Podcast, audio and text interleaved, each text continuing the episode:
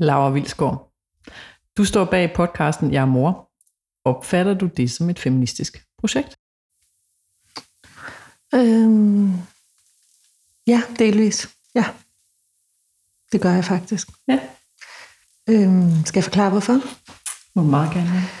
Øhm, det gør jeg, fordi at øh, podcasten og platformen, som jeg har, der hedder Jeg er mor, bygger på at øh, støtte kvinder i den overgang, der er at blive mor, og i årene med små børn. Og øh, det, der sker for rigtig mange kvinder, det er, når de rammer arbejdsmarkedet, og når de får børn, så opdager de for første gang, at de ikke er ligestillet. Og den, den manglende ligestilling fører en masse med sig. Meget ofte så er det en oplevelse, som de vender indad, som ikke bliver sagt højt, og som de går, som man føler sig ensom med. Og det er det, jeg ønsker at lave om på. Det er som første step for at gøre noget. Det er altså at forstå det og få et fællesskab og få et sprog for det, det der ikke er okay.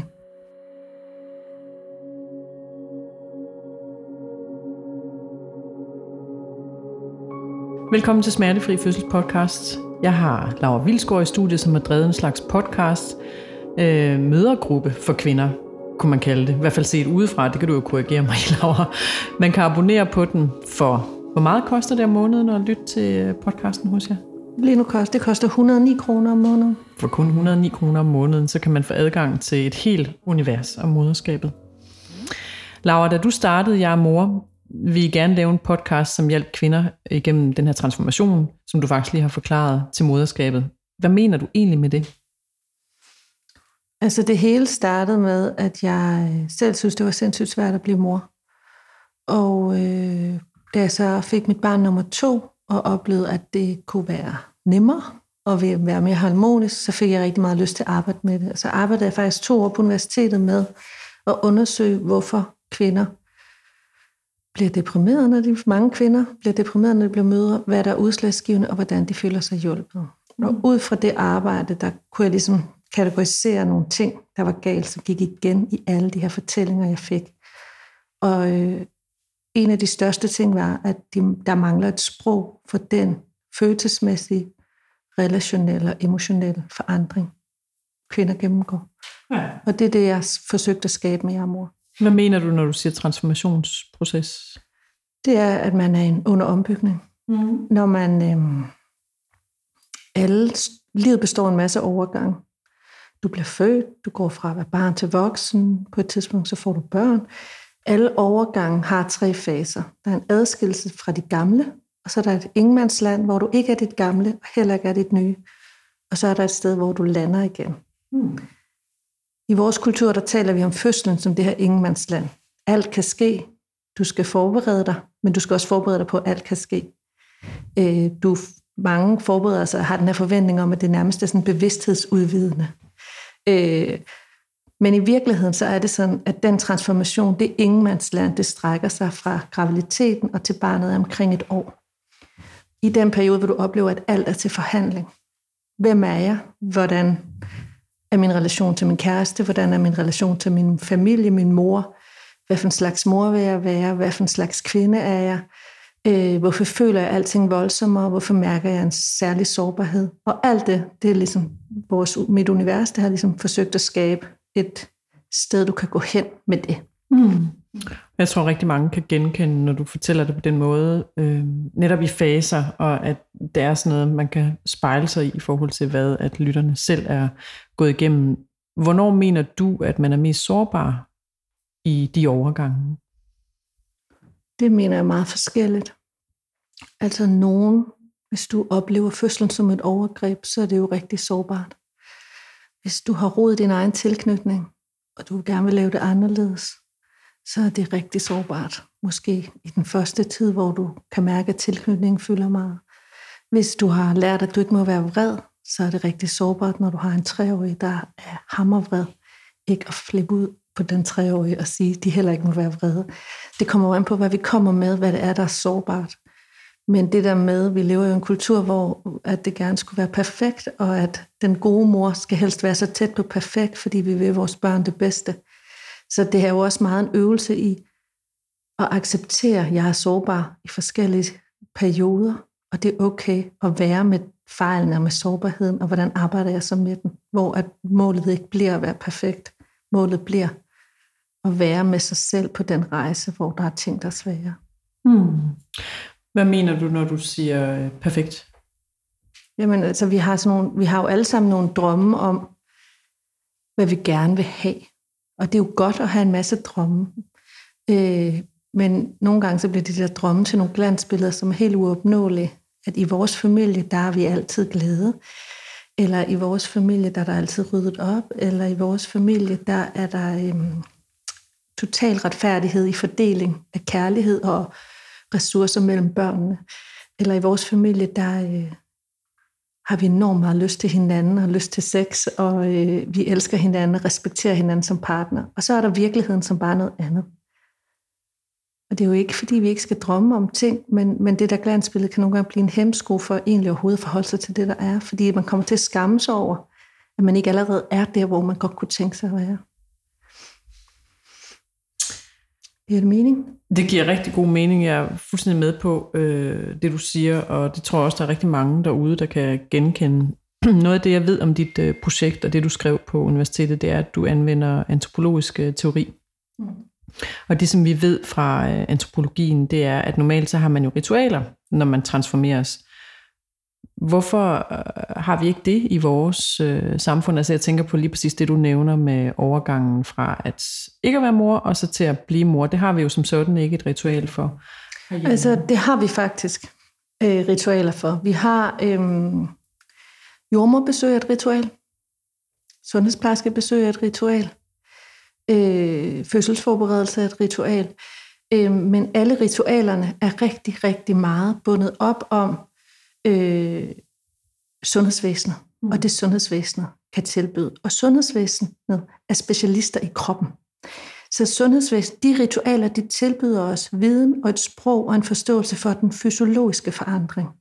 Så har vi også nogle andre ritualer, og det er, at vi skal i babysame, vi skal i IKEA. Det handler om stuff to get. Altså vi skal ligesom, vi skal have, vi skal have fyldt op på hylderne, vi skal have det rigtige puslebord, vi skal have øh, en barnevogn. Det er ting, det er lavpraktiske ting. Og det sørger IKEA, Babysam og de andre butikker for at, at give os. Øhm, det vil sige, at vi er okay kørende på lavpraktiske ting, der sker i forandringsprocessen. Vi er også okay kørende på de fysiologiske forandringer. Men det er kun halvdelen af den transformationsproces, man som kvinde oplever, og egentlig også som mand. Den anden halvdel er alle de relationelle forandringer. Hvem er jeg i forhold til min mor? Hvorfor er det svært, at svigermor holder babyen? Øh, er jeg ikke rummelig nok, eller skal jeg være mere, eller skal jeg være mindre? Eller, og hvem er jeg i forhold til mit barn? Alle de her relationer, det er den ene, som vi ikke har et sprog for, og som vi ikke har ritualer for, eller støtte omkring. Og den, anden, den sidste er, øhm, det er følelser. Hvordan at den følelse, de, de følelser, vi har igennem livet, følelser kommer og går. Når du får et barn, så vil du opleve ikke kun lykken stærkere, men vrede, afmagt, skam, sorg. Alle følelser bliver forstærket, når du er i det, jeg kaldt ingenmandsland. Og det har vi ikke et sprog for. Og det kan være sygt svært at rumme, når man lige står med sit livs vigtigste projekt, største projekt i armene. Og så øh, føler du vrede helt vildt. Hvad fanden skal man gøre med det? Så Hvor, det, her, det mangler vi også sprog for. Hvor finder vi de ritualer henne, hvis du kigger på det? Altså fordi jeg tænker, hvis vi skal gå ud fra den præmis, at vi skal have et sprog for det, eller det mangler vi at få udviklet. Mm. Øh, er det i psykologien, vi kan finde det? Er det i spiritualiteten, altså noget religiøst? Eller hvor er det, at øh, vi skal søge de ritualer, hvis vi ikke skal tale om det materialistiske, som der åbenbart er styr på fra IKEA og Babysam, øhm, såvel som øhm, det fysiske, som der er institutionaliseret, som du beskriver det?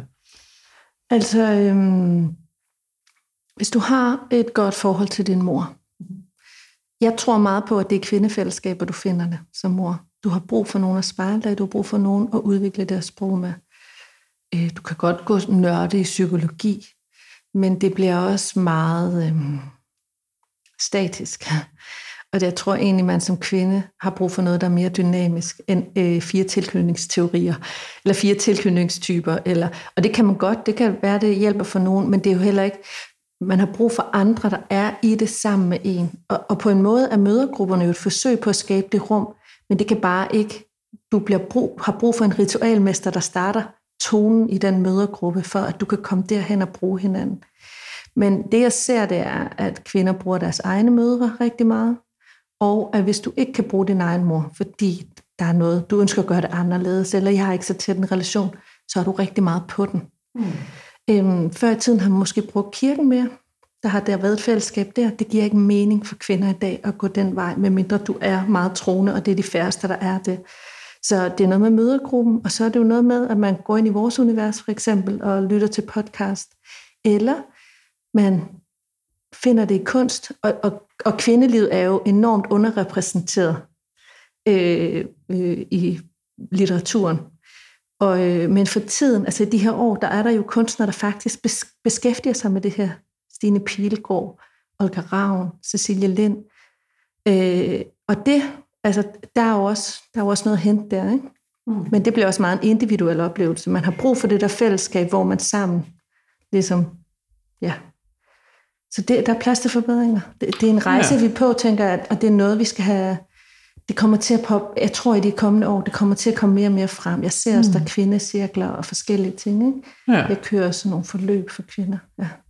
Så kvindefællesskabet, det er helt klart i, i sådan en vækkelsesperiode øh, på en eller anden vis, og jeg er fuldstændig enig i de ting, du jagter, også litteraturen og kunsten. Jeg synes, det du har sagt, Laura, giver et rigtig fint overblik over øh, den mangel, vi har, altså hvor der er rum til forbedring, kunne man sige, øh, i forhold til øh, det med ritualer, og hvor er det, vi kan søge øh, ja, i bund og grund at få en udvidelse af vores sprog, nemlig kvindefællesskaberne, der ligger noget dynamisk og venter på os øh, mm. derinde. Men jeg tænker, hvis vi sådan kigger ud i den store verden, er der så andre kulturer, du kender til, hvor man har de her ritualer? Altså er det særskilt for Danmark eller Skandinavien, at vi øh, kommer lidt til kort på det punkt? Hvad det vil jeg sige, af hele den vestlige verden. Altså vores... Øh altså, i Vesten har vi jo været enormt optaget af at adskille krop og ånd. Kroppen var for øh, øh, naturvidenskaben, lærerne at studere, og ånden var for kirken. Ikke? Og så med psykologien, så hiver man ånd lidt mere ind i, øh, i, i lægeregi. Ikke? Øh, men, men den der, øh, vi har været så glade for igennem kulturhistorien i hele Vesten at adskille krop og ånd. Men når du bliver mor, så smelter det sammen. Når du gennemgår faktisk alle store livsovergange, så giver den store adskillelse ikke rigtig mening. Vi kan godt gå rundt og sige til hinanden, at vi er rationelle mennesker, der føler noget en gang imellem. Men virkeligheden er den, at vi er nogle føledyr, der en gang imellem tænker rationelt. Øhm, så men den idé, vi har et selvbillede om, at vi er de her rationelle mennesker, og at vi har en krop, og så har vi en ånd, og, eller et hoved og nogle tanker. Og det, kan vi, det har vi fuldstændig adskilt i Vesten, og det er derfor, vi er på den. Mm. Det, man, jeg hører det samme problem beskrevet, når folk mister øh, nogle af deres nærmeste.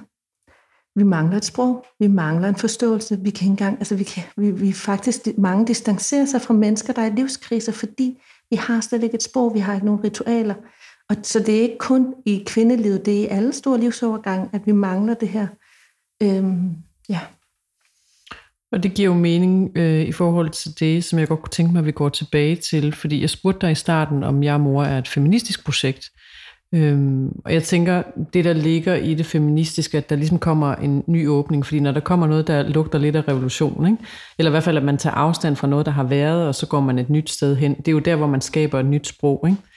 Har det hele tiden været det, et feministisk projekt for dig at lave jer mor, eller er det noget, der er opstået med tiden, som du er kommet ind i processen, og du ligesom har fået øje på de her ting, øh, som du nu faktisk selv jo har et sprog for, og kan se udefra, hvad det er, vi mangler, og hvad vi har? Jeg vil sige, det, det, blev, det, blev mere, altså det blev mere og mere feministisk med årene. Øh, det har startet, det her projekt er startet ud af en kropslig erkendelse af, at noget var forkert. Der er noget, der er forkert. Hvorfor føler jeg mig ikke lyttet til? Hvorfor føler jeg mig ensom?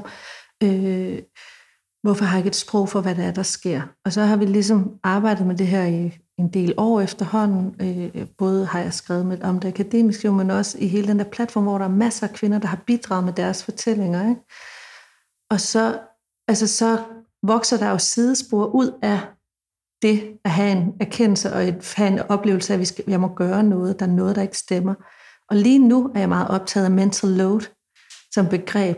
Altså det der med, at jeg tror, det er 80-90 procent af alle kvinder, eller alle hjem i Vesten, der er det primært kvinder, der tager sig af projektledet hjemmets opgaver. Mm. Øhm, hvad, hvad siger det om noget? Hvad betyder det? det? Mange af de kvinder, jeg møder i de mentorforløb, jeg har, ikke? det er kvinder, der er pissehammerne vrede, og de ved ikke, hvad de er vrede over. Og det, de finder ud af, rigtig mange af dem, at de er vrede over, det er, at de aldrig fik forventningsafstemt. Hvorfor var det mig, der skulle projektlede det her hjem? Den forventningsafstemning havde de ikke. Og så havnede de med alle opgaverne. Jamen, du kunne da bare have bedt om hjælp, siger manden så. Jamen, hvis jeg skal bede dig hver gang, det er en opgave i sig selv at projektlede et hjem. Øh, men det bliver set som en ikke-opgave. Og hele den her underkendelse af, af omsorgsarbejde som noget arbejde. Det at være følelsesmæssigt tilgængelig over for sine børn. Det ikke at kunne gå på toilettet, uden der står en og banker på døren. Anerkend, at det er et arbejde. Mm. At det er... Øh, det, det synes jeg, at, at det er der ligger der et feministisk projekt i. Ja, så den der sociale kapital, kunne man sige det på en måde, ikke? Altså fordi, hvis man nu skal se det sådan helt nøgternt, og man smider det hele ind i et Excel-ark, hvad bruger kvinder af tid på arbejdsmarkedet? Hvad bruger de af tid øh, i hjemmet, ikke? Altså der bliver den jo ikke, øh, oplever jeg i hvert fald i min omgangskreds, altså jeg kan fuldstændig genkende det, du siger der, det bliver jo ikke værdisat. Altså al den tid, du lægger med børnene, og den projektledelse, du tager øh, hjemmet og så videre. Ikke? Man kan jo rent faktisk nøgternt, hvis vi skal tale om sprog, og du taler om sprog i forhold til ritualer og overgangen, så er der måske et sprog, vi ikke har udviklet ind i parforholdet, fordi vi heller ikke ved, hvad vi skal forvente, når vi står i situationen. Ikke? Og det er som om, at der har været noget bagstræberisk i forhold til, at kvinder er kommet ud på arbejdsmarkedet, men de har stadigvæk samme arbejde i hjemmet. Øhm, og, og det er også som om, at der er en skam forbundet med det, er i hvert fald min oplevelse øh, når man så stikker til dem i ens omgangskreds, hvor man kan se, at det er ulige fordelt, altså man, man benævner det udefra. Hvad, hvad tænker du, når jeg siger det her? Jeg tænker, at rigtig mange gør ikke noget ved det, fordi de skammer sig. Mm. Øh, rigtig mange siger til mig, øh, jamen vi lever jo meget kønsstereotypt, og så siger det det som en undskyldning. Mm. Du må gerne leve kønsstereotypt, hvis det er det, du vil, men du skal tage et aktivt valg. Og problemet er, når du ikke tager et aktivt valg. Du må leve lige som du vil. Der er hundredvis, tusindvis af opskrifter på, hvad en god familie er. Mm. Du skal finde din egen opskrift. Øhm, men mit problem er, når du ikke har, lige præcis ikke har et sprog og ikke får sagt fra, og derfor lige pludselig står med en masse opgaver, og egentlig synes, det er uretfærdigt, men ikke er i stand til at sige fra. Hvad er det, de er vrede over? Altså, hvad er det der, øh, som øh, overmander os øh, inde i projektledelsen? Øhm, altså mental load-begrebet mm. stammer egentlig øh, fra nogle undersøgelser, man begyndte at lave i 80'erne om, hvor meget folk tog arbejdet med hjem. Mm. På en arbejdsplads, der er det at være projektleder en stilling i sig selv, fordi man skal have overblik over opgaverne. Mm. Øhm, hvad er eksemplet fra hjemmet? Altså, I et hjem, der ja. er det at huske, sundhedsplejen kommer på besøg, mm-hmm. husk at gå ud med skrald, læg mærke til, når der skal gøres rent, mm. øh, husk at få børstet tænderne, husk at købe nyt tøj, øh, sørge for at øh, snakke med de andre hen i institutionerne, de andre voksne, så I får, du får en relation til dine børn, ser, mm-hmm. at øh, det er trygt at være her, og sådan så det bliver nemmere, hvis der opstår nogle problemer, lige at løse dem. Øh, det er opgaver, der skal til for at drifte et hjem. Alle de opgaver, dem, har, dem tager vi for givet, at det er kvinder, der tager dem. Og, øh, tager det så meget tid? Det tager sindssygt meget tid. Undersøgelser viser, at kvinder bruger flere timer end mænd om ugen på at og, og lave arbejdsopgaver i hjemmet. Øhm, ja. Er det fordi kvinderne tager de opgaver for mændene, eller ikke har et sprog for at sætte sig ned og fordele dem? Det jeg, det jeg mener, det er, altså grund til, at vi, da kvinder kom ud på arbejdsmarkedet, der var det svært. Det var en ny arena. Der var ingen, der sagde til mændene, ej, gider ikke lige skrue ned for ambitionerne, fordi det er faktisk lidt svært for os, det her. Det var der ikke nogen, der sagde. Hvis du vil have magt, så skal du tage den. Du kan ikke give magt, hvis nogen ikke vil have den. Det vil sige, kvinder gik ud på arbejdsmarkedet, og så tog de magten, og det var svært, og det er det stadig, Og det livet, der er ingen, der har lovet, livet nemt. Mændene i de her år, der er der en bevægelse, ikke med kvinder på arbejdsmarkedet, men modsat med mændene, der skal tage mere plads i hjemmet. Det er en ny arena. Hvordan ser du det? Den bevægelse? Den, den, jeg synes, den, det er godt at sammenligne den med, da kvinder kommer på arbejdsmarkedet. Mændene skal hjem i hjemmet. Det er en ny arena. De har ikke nogen rollemodeller at se op til. De har ikke set en far, der lagde mærke til, når der var fnuller med i hjørnerne. De har ikke set en far, der lavede smalltalket med de andre forældre hen i institutionen. Vel? Så det er svært. Det er altid svært at indtage en ny arena. Men det hjælper ikke noget at sige til kvinder, skru ned for ambitionerne. Lad være at være så kontrollerende. Magt er noget, man tager. Selvfølgelig skal kvinder give plads til deres mænd prøver, og nogle gange kan det måske hjælpe at sige, okay, det er praktikanten, han skal lige lære os op. Vær lige lidt tålmodig. Ikke? Øh, men fordi det er svært, og det er nyt, men, men man skal som mand tage den. Og så er der en meget stor forskel mellem at synes noget er svært, og derfor være fumlende og usikker, og så være ligeglad. Men vil de have den magt, de mænd? Altså, er de Nogle mænd vil gerne i det have der? den. Altså det ser jeg, at, at det vil de gerne. Men at det er nemmere nogle gange at lade være. Mm. Det, som jeg oplever, at min mors generation af kvinder gjorde, det var, at de styrede hjemmet, og, men min mor, hun har aldrig følt sig undertrykt. Eller, det var ligesom, hun ville gerne være derhjemme, og min far tjente pengene. Men så var der sådan et begreb, som var ret stort der i 80'erne, da jeg var barn, som hed kvindelist. Og jeg har mødt det også fra en sundhedsplejerske af forskellige kvinder fra den generation. Jamen du må jo, det ligger bare mere til kvinder, du må bruge kvindelist. Hvad betyder det? Det betyder, at du skal manipulere din mand til at gøre det, du gerne vil have. Super. Det er det, det i bund og grund betyder. Ja. Så det vil sige, du kan manipulere ham til at være mere sammen med sine børn. Du kan manipulere ham til at tage de rigtige beslutninger. Mm. Øhm, det der ord kvindelist, det skal bare dø. Mm. Sådan har jeg det. Mm. Fordi hvis du som kvinde ser, at din mand ikke reagerer, når baby græder, og så prøver du med kvindelist at få ham til at se barnet lidt mere, så er det jo ikke engang hans egen, han kan jo ikke engang selv tage credit for det, når han så ser barnet. Så er det jo dig, der har manipuleret ham til at se barnet. Det må bare, det er simpelthen, det, du kan ikke, det er, en, det er en magt, den magt, der ligger i at have styr på hjemmet, det er en magt, mænd må tage. Men hvad nu, hvis han ikke vil have den magt? Hvad stiller man så op, hvis man er udstyret med en mand, som på ingen måde har en interesse der og siger, det er jeg simpelthen ikke interesseret i? Altså, fordi det er jo det, vi så ser ske. Altså. altså, så må du jo overveje, om du vil være i det parforhold, for det første. Ikke? Hmm. Så må du overveje, vil jeg være sammen med en mand, der ikke er interesseret i det? Han vil gerne have børn, ikke? Altså, øh, og så må I jo tage en snak. Altså, jeg har de der fire kategorier med følelsesmæssige, øh, relationelle øh, forandringer. Af de der fire kategorier, jeg nævnte, ikke? der er følelsesmæssige forandringer, der er relationelle forandringer, der er lavpraktiske ting, og der er fysiologiske ting.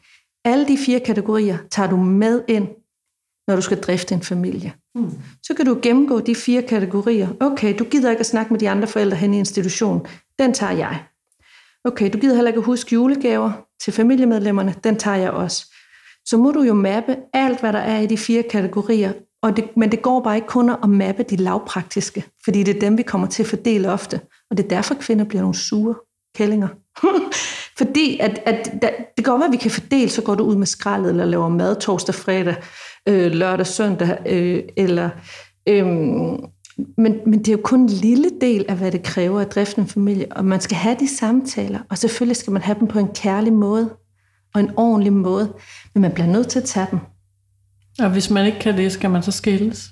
Det må man jo finde ud af med sig selv. Der er jo mange måder at have en god familie på. Men altså, hvis du vil sørge for det hele, og, altså, altså, det er jo et personligt valg, om mm. du vil, så skal du jo beslutte, at jeg vil sørge for det hele, og så tjener han alle pengene. Og det er ikke et forkert valg. Nej. Det, det har jeg slet ikke nogen holdning til. Men, men du bliver nødt til at tage stilling, det er det, jeg går op i. Og så skal du ikke gå og skamme dig over det. Det er et personligt valg at engagere sig. Det er et dybt personligt valg, og du kan ikke kvindeliste dig til, at din mand engagerer sig. Du kan tage en samtale med ham, med ham men, men det er et dybt personligt valg at involvere sig.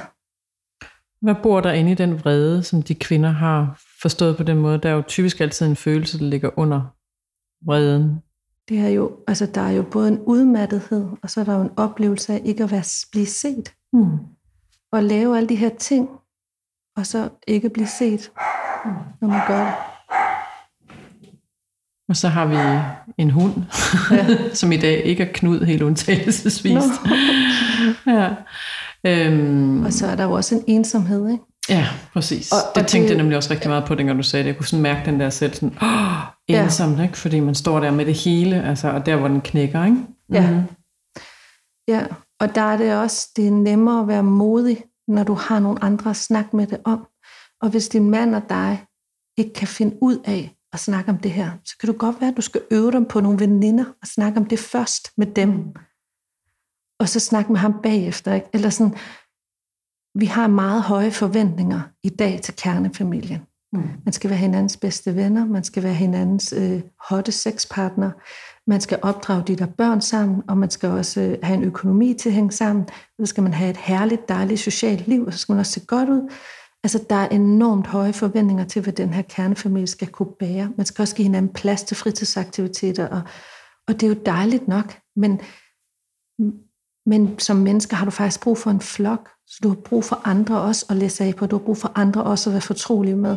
Og der tror jeg, at det der kvindefællesskab kan noget helt særligt. Mm.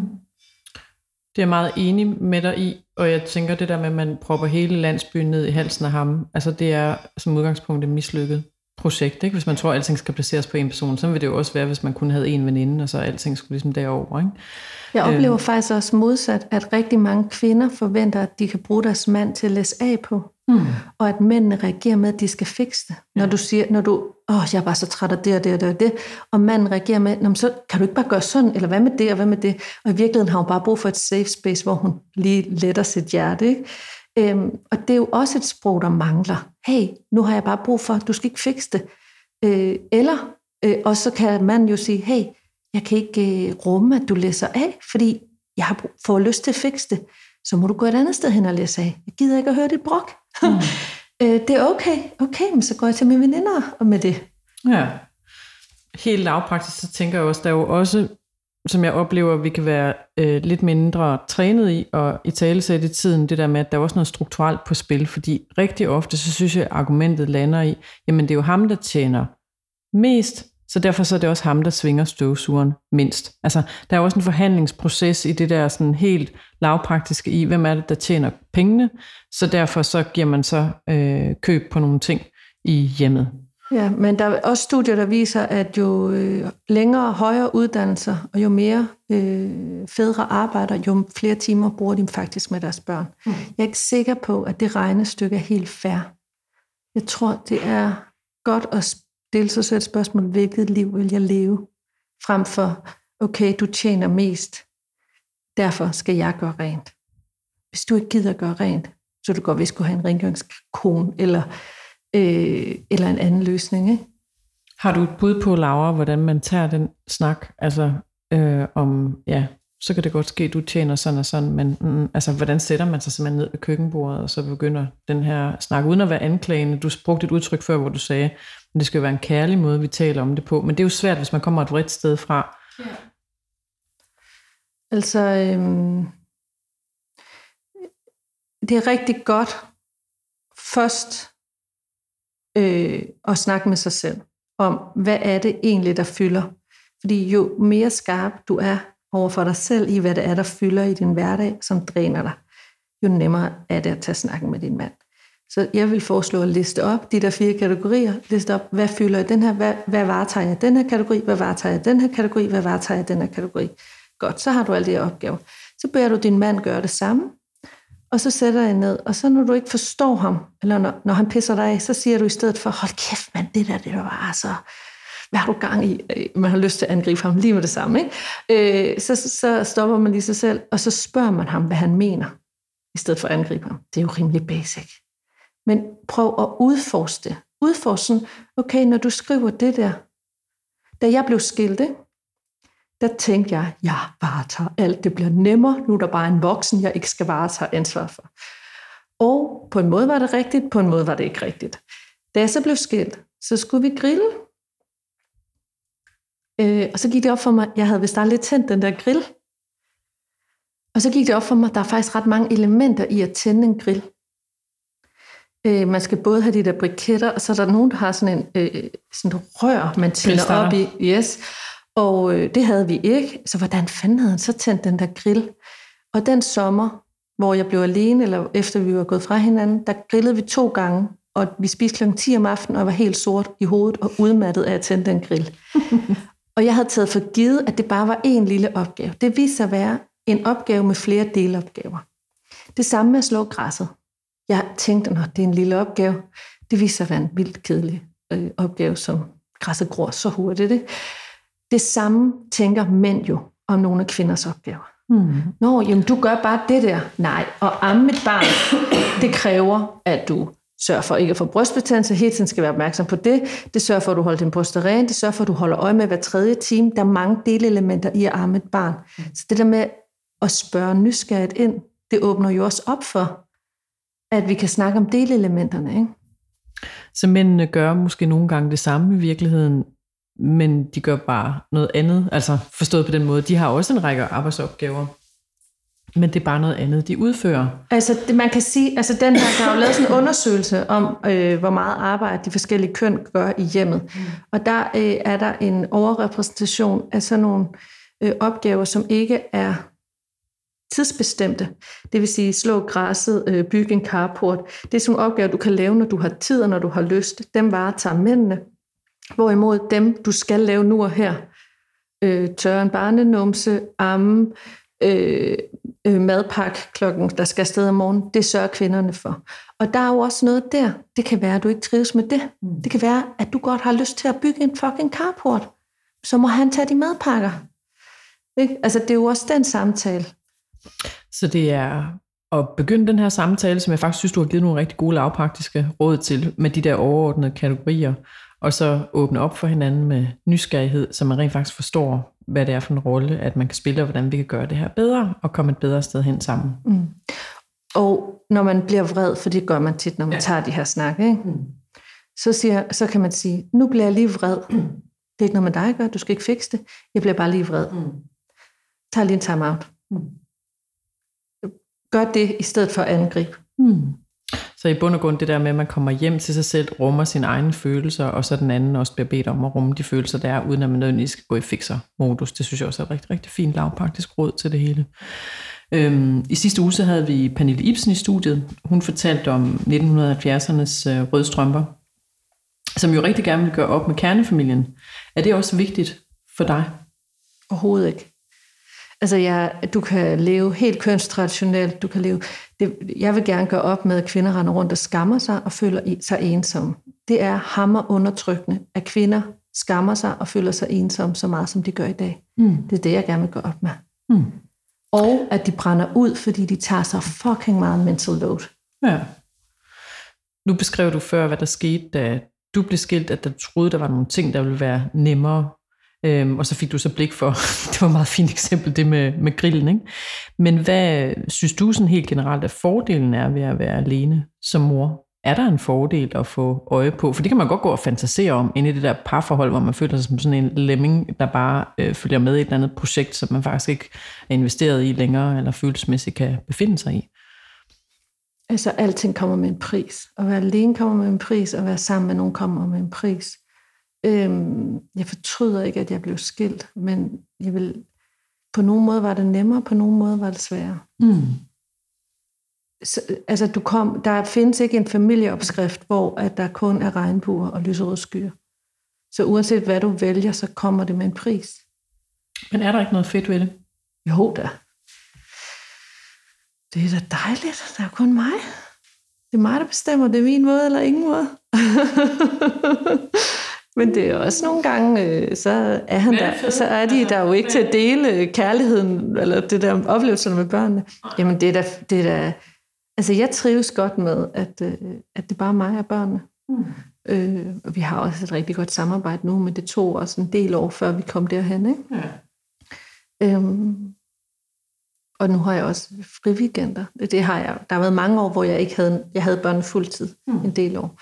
Øhm, og, men det der med at tage, få en reel pause, det er jo ret vildt. Men det kan man også godt logistik, altså planlægge sig ud af i et parforhold.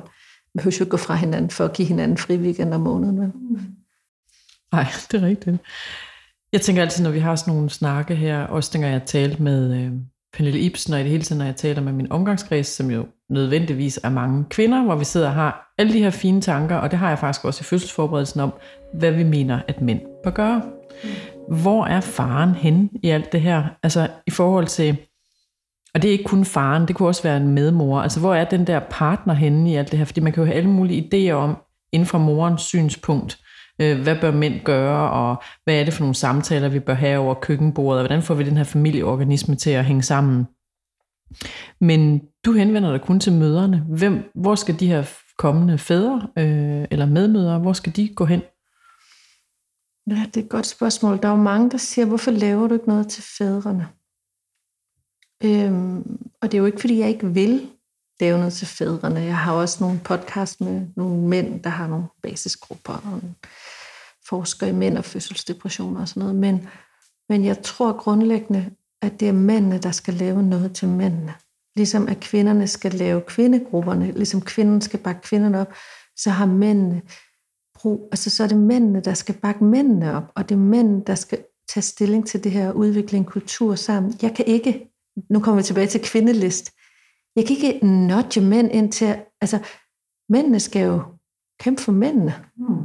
Og det, jeg vil gerne bakke op om det, men jeg kan ikke være primus motor i og, og, altså, at skabe det rum for mændene. Det skal være en mand. Og jeg ser også, at nogle mænd begynder lige så stille, men det er meget sådan i store byerne, ikke? Øh, hvor at så er der, øh, jeg kender en, der hedder Nikolaj, der startede en fædregruppe, ikke? Øh, fordi han havde taget en masse barsel, og så han samlede nogle mænd, og jeg ved også, at i Gladsaxe Kommune, der laver de også nogle fædregrupper, og og så er der vist noget, der hedder FAR, som også en forening FAR, som også laver sådan nogle, faktisk nogle, lidt, nogle kurser til fædre, hvor de træner fædre i at blive mere aktive derhjemme og, og tage del i deres børns liv. Ikke? Hmm. Så her med en efterlysning, øh, som jeg synes er rigtig godt at runde af på, fordi det er som om, at kvinderne har en lidt længere historie her, men der er stadigvæk rigtig meget at gøre inde i det her parforhold. Men i hvert fald en efterlysning efter, at der er nogle mænd, der faktisk også vil gøre noget på området, så der også bliver dannet et sprog for dem, og det ikke er kvinderne, der skal sidde og sprogliggøre hele deres oplevelse. Tusind tak, fordi du ville komme, Laura Vilsgaard. Og øh, man kan finde dit arbejde på Jeg er mor, Instagram, Facebook og også øh, website. Og tilretlægger i dag var Johanne Myggen, og jeg selv vært Anja Bay.